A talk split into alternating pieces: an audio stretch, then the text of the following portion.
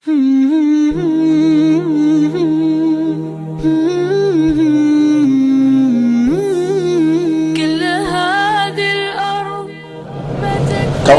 Ramadan yang begitu besar Allah berikan kepada kita Yaitu adalah Ramadan itu merupakan satu bulan di mana Allah itu mengistimewakan amal yang dilakukan ketika di bulan Ramadan karena puasa di bulan Ramadan itu dijaga khusus oleh Allah dan bukan hanya dijaga khusus amalan Ramadan itu tetapi sesungguhnya amalan itu dilipat gandakan dengan kelipatan yang sangat besar. Makanya antum perhatikan orang yang beramal di Ramadan itu tidak pernah sama dengan orang yang beramal di luar bulan Ramadan. Tidak pernah sama dan saking besarnya amalan yang dilakukan di bulan Ramadan sampai Allah merahasiakan amal itu berapa kali detailnya Allah itu akan melipat gandakan amal karena besarnya amal yang dilakukan di bulan Ramadan. Saya ambilkan contoh. Syariat ini kalau nyuruh kita terhadap satu ibadah Allah selalu detailkan balasannya. Dan Rasulullah detailkan balasannya. Contoh antum diperintahkan sholat syuruk dalam riwayat Tirmidzi man salal ghadati fi jama'atin thumma qa'ada yadhkurullaha hatta tatla fihi syamsu summa shalla rak'ataini kutiba lahu ka'ajri umratin. Barang siapa yang sholat subuh berjamaah Duduk dia bertikir sampai matahari terbit Dia sholat dua rakaat Dia mendapatkan pahala umrah secara sempurna. Detail balasannya. Antum tikir pagi, tikir petang Antum sebagaimana membebaskan empat budak. Detail balasannya Antum membaca Al-Quran Allah detailkan balasannya. Mangkar harfa min kitabillah Falahul hasanah Wal hasanatu bi ashri amzaliha Wala akulu alif lamim harfun Walakin alif harfun lan harfun mim harfun. Sesungguhnya barang siapa orang yang membaca huruf di dalam Al-Quran Maka satu hurufnya itu dinilai oleh Allah dengan sepuluh kebaikan Aku tidak mengatakan alif lam mim satu huruf. Alif satu huruf. Lam satu huruf. Mim satu huruf. Itu di luar bulan Ramadan. Dan Allah detailkan. Tapi ketika amal itu dilakukan di bulan Ramadan Allah lipat gandakan dengan kelipatan yang besar. Saking besarnya kelipatan itu kata Syekh Husaymin Allah tidak pernah menceritakan detail berapa kali Allah melipat gandakan amal di bulan Ramadan saking besarnya pahala yang menanti bagi orang yang menanam dan investasi di bulan Ramadan jadi investasi amal itu yang paling tepat itu adalah amal di bulan Ramadan. Jadi investasi itu bukan kalah jingking, tapi beramal di bulan Ramadan. Jadi beramal di bulan Ramadan itu investasi yang terbaik yang Allah kemudian berikan. Makanya saking begitu besarnya Allah kemudian memberikan itu dan Allah itu memberikan pahala yang tidak terhingga kepada mereka yang beramal di bulan Ramadan itu. Makanya kemudian kita bertanya, Ustaz, analoginya kayak apa? Gampang contohnya ikhwan. Kalau ada suami istri, ada suami istri, kemudian sang suami ingin memberikan hadiah kepada istrinya. Kalau hadiahnya murah, pasti akan disampaikan dan tidak ditutupin. Hadiahnya apa bi? Hadiahnya gantungan kunci. Hadiahnya sandal swallow. Biasanya tidak akan pernah dirahasiakan. Kenapa? Hadiahnya murah. Tapi beda kan kalau ada seorang suami, misalkan akhir-hari ingin memberikan hadiah kepada istrinya, hadiahnya mahal. Contohnya apartemen di Ketut Subroto. Itu pasti akan dirahasiakan. Istrinya nanya, hadiahnya apa sih, Bi? Tunggu hari hanya. Sudah hari H, tinggal ngasih gantungan, tinggal ngasih kuncinya aja, masih banyak syarat. Ayo tutup mata, putar-putar rumah tujuh kali itu menjadi seribu itu baru setelah kayak gitu baru dikasih. Kenapa kok dirahasiakan?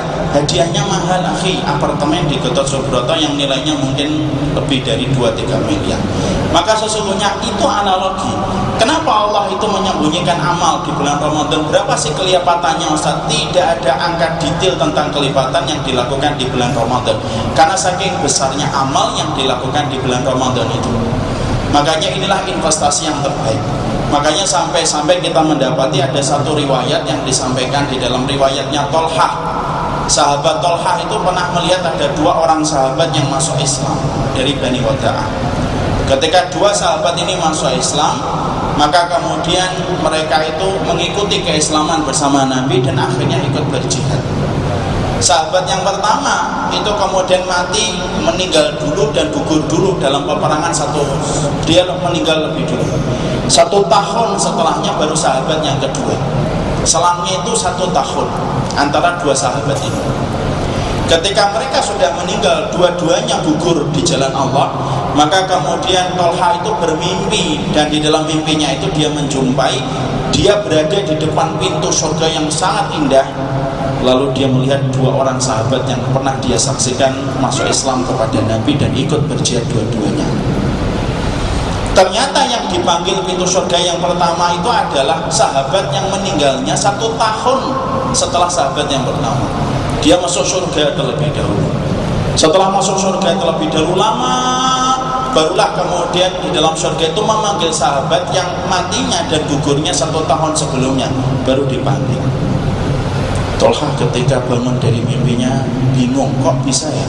Dua sahabat ini bareng-bareng masuk Islam ikut juga berjihad. Yang pertama meninggal lebih dulu yang kedua meninggal yang terakhir. Tapi justru yang terakhir itu lebih pertama kali masuk surga. Maka kemudian cerita itu disampaikan Tolha kepada beberapa sahabat. Sampai akhirnya berita itu nyampe kepada telinga Rasulullah SAW dan ketika nyampe kepada telinga Rasulullah SAW kemudian Rasulullah itu tanya kepada Tolha lo yang membuat heran apa? Mayung juga yang membuat heran apa wahai Tolha?